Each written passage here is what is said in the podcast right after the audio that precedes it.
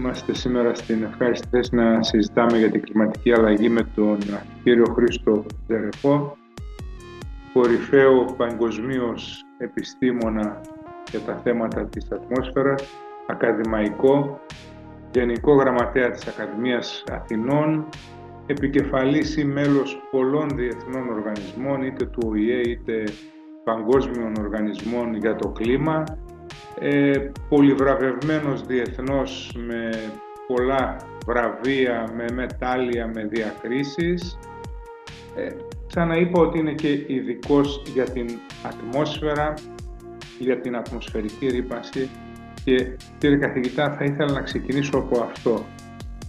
Σήμερα που ζητάμε 20 Σεπτεμβρίου συμπληρώνονται 35, μέρες, 35 χρόνια από το πρωτόκολλο του Μόντρεαλ, από την υιοθέτηση του πρωτοκόλλου του Μόντρεαλ από τις κυβερνήσεις, ένα πρωτόκολλο που στην ουσία έσωσε το όζον, δηλαδή κατήργησε σε όλα αυτά τα χρόνια που μεσολάβησαν το 99% περίπου των ουσιών που ε, βλάπτουν το όζον. Το όζον άρχισε να αποκαθίσταται και μάλιστα ο Παγκόσμιος Μετεωρολογικός Οργανισμός ε, ε, προβλέπει ότι μέχρι το 2050, τα επόμενα 25-30 χρόνια, η ζώνη του όζοντος θα έχει αποκατασταθεί και αυτό θα σώσει τη γη από την υπερθέρμανση.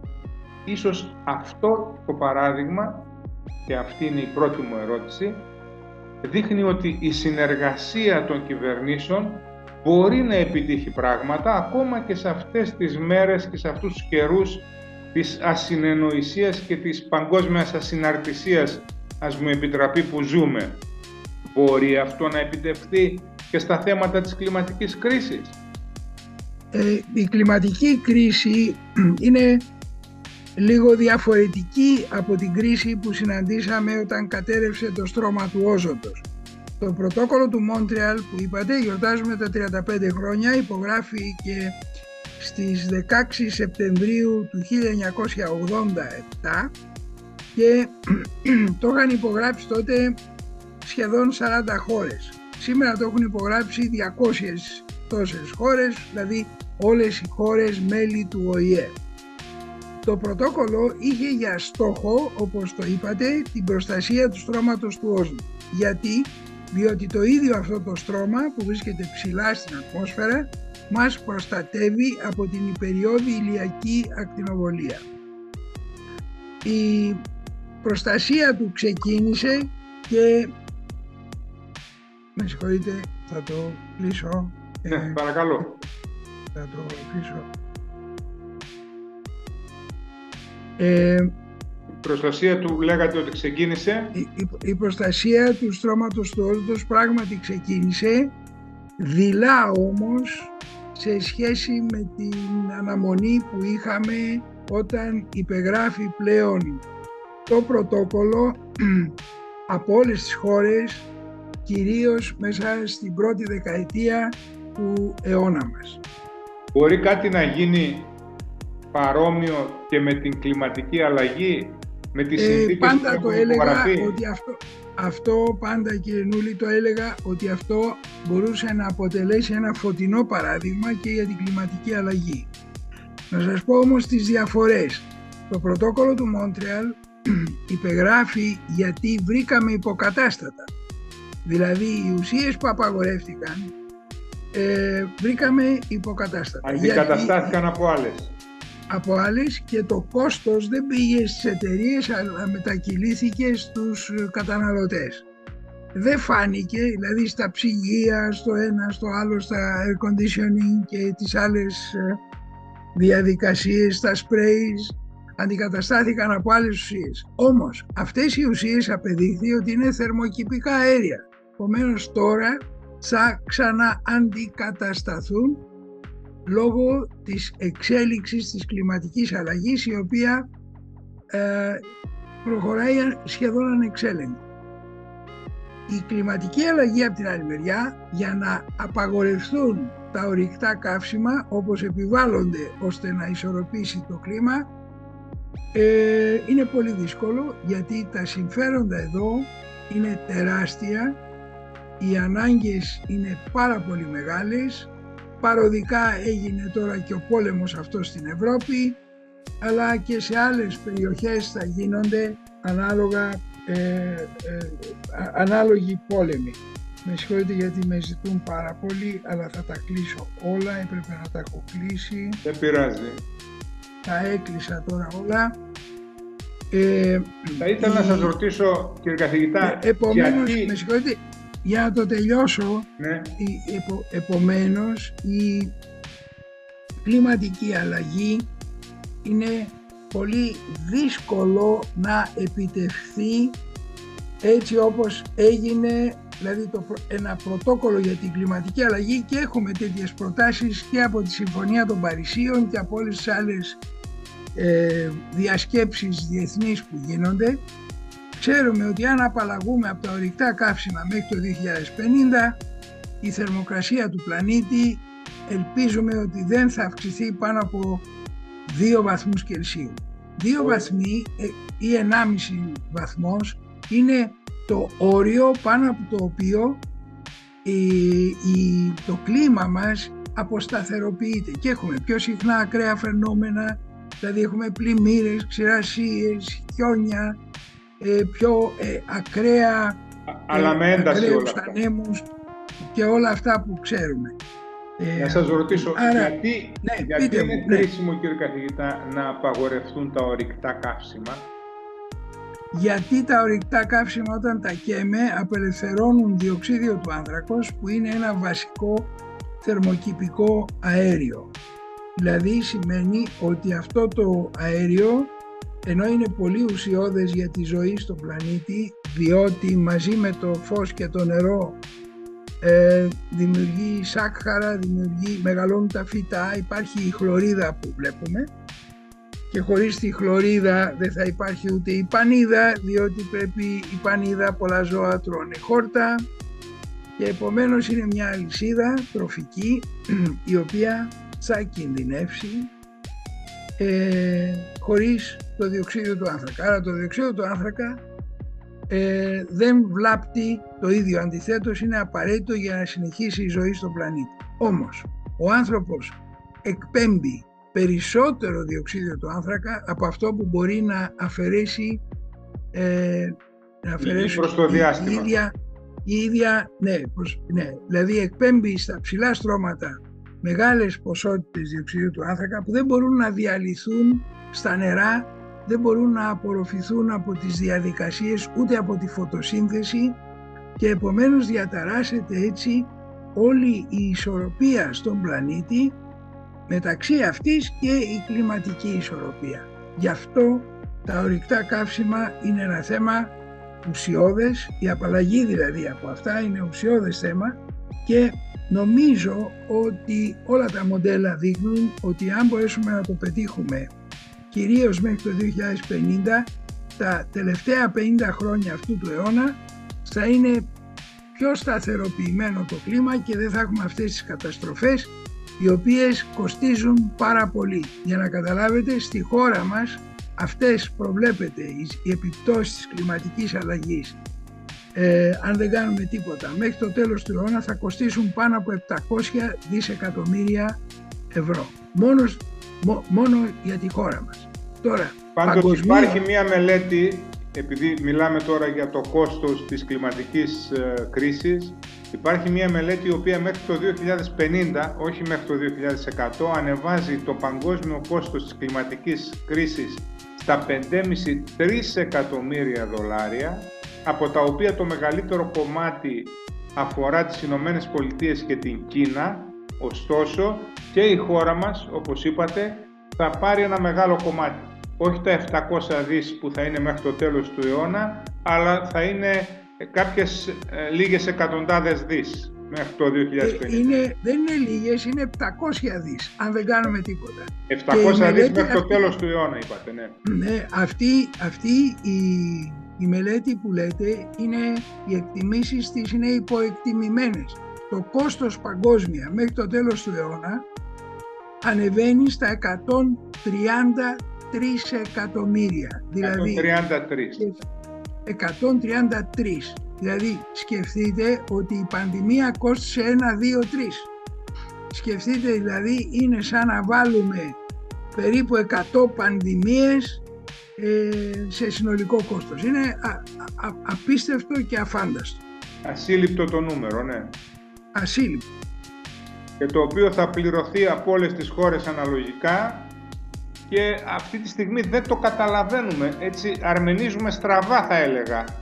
Εγώ δηλαδή είμαι πάρα πολύ προβληματισμένος που τις προηγούμενες μέρες δεν ακούσαμε κάτι για την κλιματική κρίση στις ομιλίες τους στη Διεθνή Έκθεση Θεσσαλονίκης τόσο από τον Πρωθυπουργό όσο και από τον Αρχηγό της Αξιωματικής Αντιπολίτευσης. Γιατί ίσως θεώρησαν ότι τα έχουν λύσει όλα. Ξέρετε αυτά τα θέματα ε, είναι πολύ δύσκολα και η, η θεραπεία γίνεται βραδέως. Σκεφτείτε ότι από τη δεκαετία του 1990 που πλέον υπεγράφει από όλους το πρωτόκολλο του Μόντρεαλ μέχρι σήμερα έχουν περάσει 30 χρόνια και σχεδόν 25 και με πλήρη εφαρμογή του πρωτοκόλλου και παρόλα αυτά το όζον δεν έχει επανέλθει πλήρως. Υπάρχουν περιοχές που ακόμα πάσχουν στην Ανταρκτική και στην Αρκτική. Άρα για να, να γυρίσω σε αυτό που είπατε, στα κόστη, τα κόστη είναι πολύ μεγάλα. Αν προσαρμοστούμε βέβαια, τα κόστη αυτά μειώνονται περίπου στο μισό. Δηλαδή τα 130 ε, τρισεκατομμύρια που υπολογίζεται για το τέλος του αιώνα θα μειωθούν περίπου στα, 700, στα, συγγνώμη, στα 70-80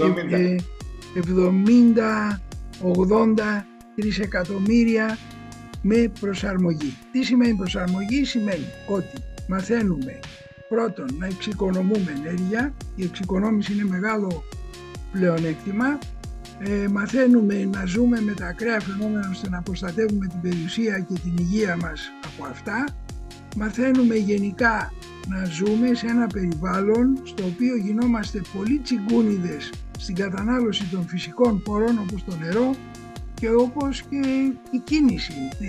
Η χρήση ορυκτών καυσίμων πρέπει να μειωθεί στο ελάχιστο. Οι ανανεώσιμες πηγές ενέργειας είναι η απάντηση στην ε, αφαίρεση της καύσης των ορυκτών καυσίμων, αλλά δυστυχώς οι ανανεώσιμες πηγές ενέργειας σε πολλές χώρες δεν έχουν προχωρήσει όσο πρέπει. Στη χώρα μας από ανανεώσιμες πηγές ενέργειας παίρνουμε περίπου σχεδόν το μισό, το, τη μισή ηλεκτρική ενέργεια που χρειάζεται η χώρα μας. Είναι μεγάλο επίτευγμα, επίτευγμα παγκοσμίως. αλλά πρέπει να γίνει το 100%. Έχουμε τον ήλιο, έχουμε τον άνεμο, έχουμε τη γεωθερμία την οποία ακόμα δεν, δεν έχουμε εκμεταλλευτεί ακόμα τη γεωθερμία μας. Είναι τραγικό, το φωνάζω πολλά χρόνια, αλλά ε, θα πρέπει κάποιος κάπου κάποτε να τακτοποιήσει τα ενεργειακά των ανανεωσίμων πηγών ενέργειας στην Ελλάδα. Ε, αν δεν μπει η Κίνα σε αυτό το παιχνίδι, το παιχνίδι παίζεται παγκοσμίως ή όχι, είναι χαμένο; Η Κίνα είναι καθοριστικός παράγων γιατί είναι εκπομπός αερίων του θερμοκηπίου σχεδόν εισάξιος με την Αμερική.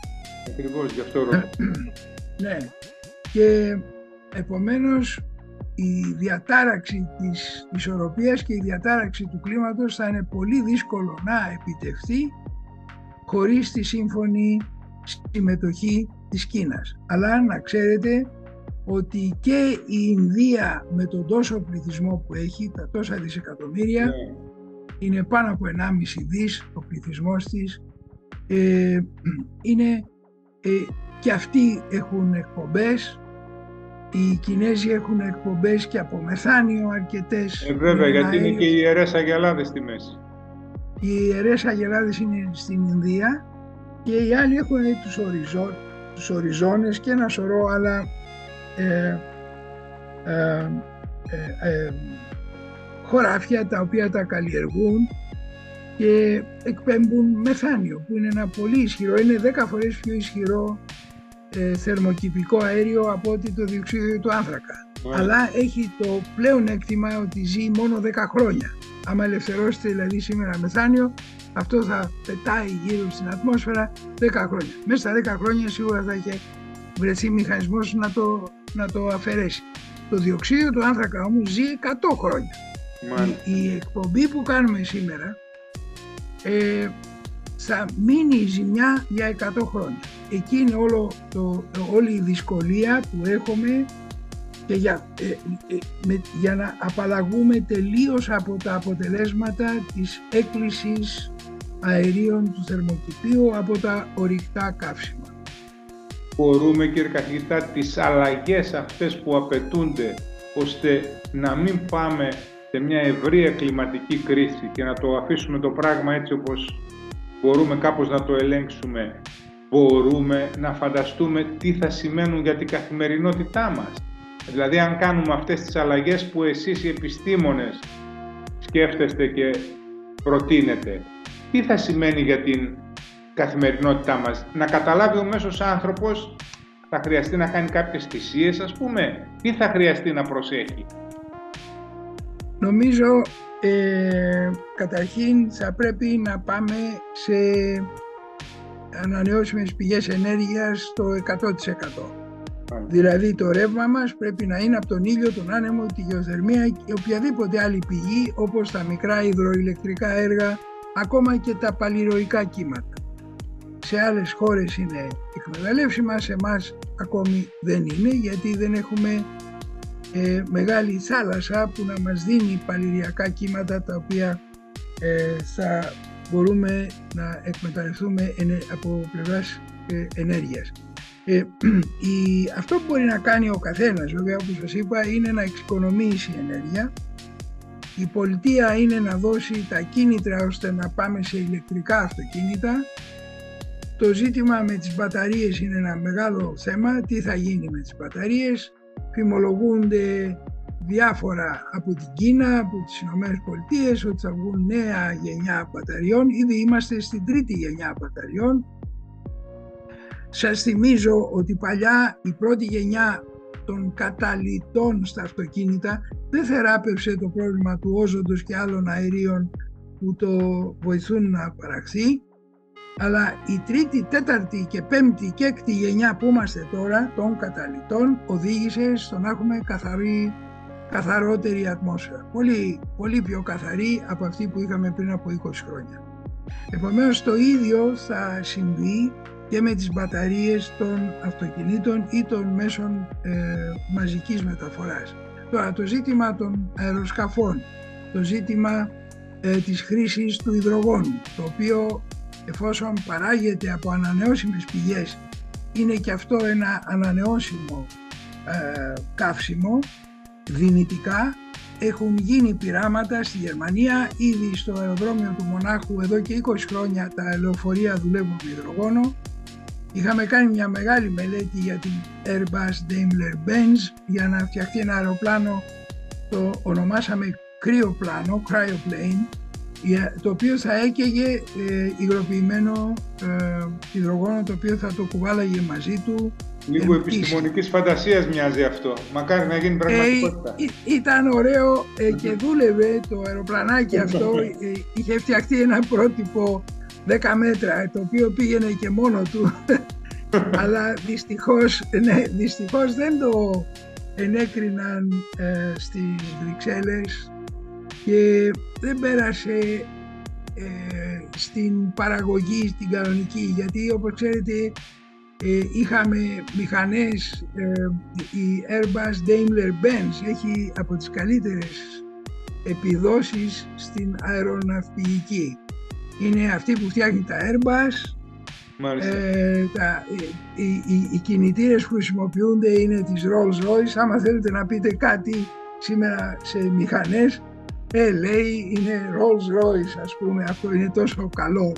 Ναι. Λοιπόν, είχαμε τα καλύτερα υλικά, τους καλύτερους μηχανικούς ε, και παρόλα αυτά δεν ξέρω, πολιτικά δεν στηρίχθηκε νομίζω και τώρα ακούω ότι οι Αμερικανοί επανέρχονται ε, και στην Douglas και σε άλλες μεγάλες εταιρείες που κάνουν αεροπλάνα επανέρχονται στην κατασκευή ε, υπερηχητικών αεροπλάνων. Σας θυμίζω ότι εμείς στην Ευρώπη είχαμε το Concorde, το γαλλικό, Ναι. του οποίου η παραγωγή σταμάτησε από τότε που έγινε ένα, ε, Το ένα ατύχημα. σοβαρότατο ατύχημα δυστύχημα στο μάλλον. Νι, στο- Ναι. στην Ιταλία, στο Παρίσι, έξω από το Παρίσι και ε, σταμάτησε η παραγωγή. Τώρα ακούω ότι θα υπάρξει ξανά η υπερηχητική πτήση.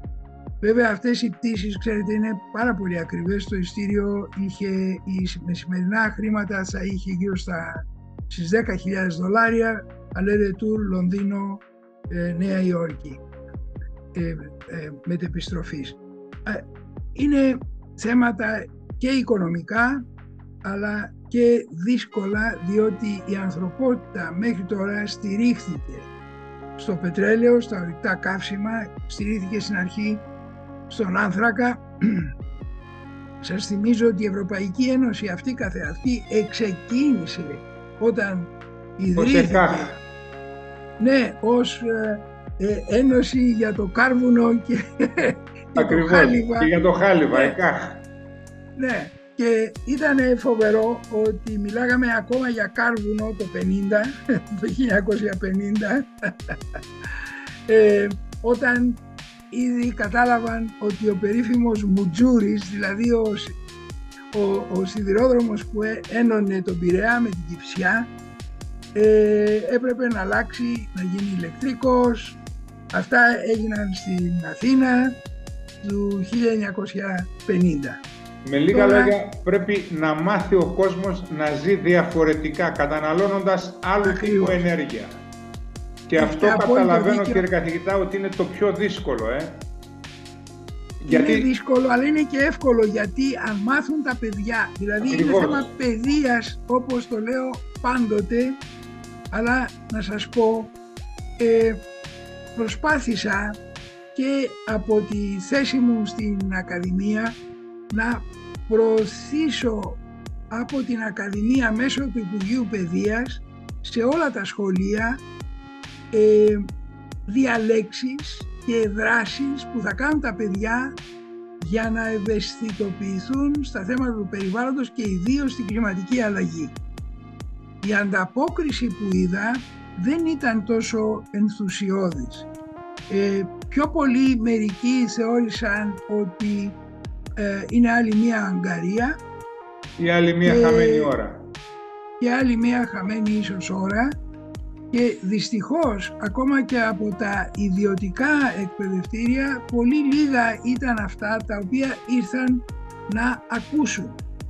Ε, εγώ εί- είπα στην, ε, ε, όταν τους καλωσόριζα στο μέγαρο της Ακαδημίας, το οποίο όπως ξέρετε είναι από τα πιο όμορφα, είναι το πιο όμορφο κτίριο που υπάρχει στην Ελλάδα, αλλά και από τα ωραιότερα της Ευρώπης, ε, με τις στιχογραφίες, με την, ε, αυτή τη σπουδαία αίθουσα που έχουμε και τους λέω σας καλωσορίζω στο τέμενος των μουσών εδώ που είναι πραγματικά ας πούμε Ακριβώς. ε, από εξορισμού το όνομά του, από το όνομά της η Ακαδημία και πραγματικά θα ήθελα να δω μια μεγαλύτερη κινητικότητα μεταξύ των καθηγητών και των διευθυντών ιδίως των διαφόρων προγραμμάτων. Από το κεφάλι Ίσως- πρέπει να αλλάξουν πάντως τα πράγματα. Από το Ναι, κεφάλι. Δηλαδή θα πρέπει ίσως να Γι' μπει αυτό σας σαν είπα ότι προαπαιτούμενο. αφού δεν άκουσα από τον Πρωθυπουργό και από τον Αρχηγό της Αξιωματικής Αντιπολίτευσης κάτι στην ομιλία τους στη ΔΕΘ, αυτό αντανακλά και στη στάση του Υπουργείου Παιδείας κτλ. κτλ. Και των εκπαιδευτικών δυστυχώς. Θέλετε, ναι, να σας πω, ε, η- η- έχει γίνει της μόδας το θέμα του κλίματος. Τώρα όλοι έχουν γίνει ειδικοί στο κλίμα.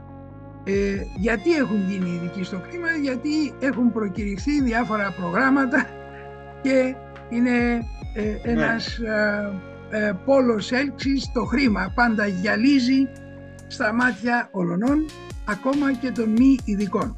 Ή ε, των, εν πάση περιπτώσει, καταδήλωση τους ειδικών. Αυτό το βλέπουμε παγκοσμίως, δεν είναι μόνο στη χώρα μας.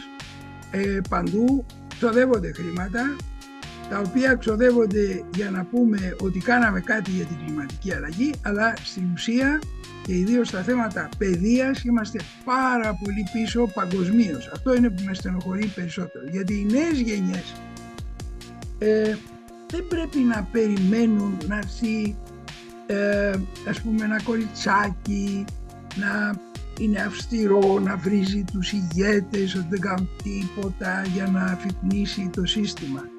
Το σύστημα πρέπει να είναι μέσα στην ψυχή του καθενός μας. Το κάθε παιδί πρέπει να μεγαλώσει με τα σωστά παραμύθια, πρέπει να μεγαλώσει με αρχές οι οποίες να προστατεύουν το περιβάλλον.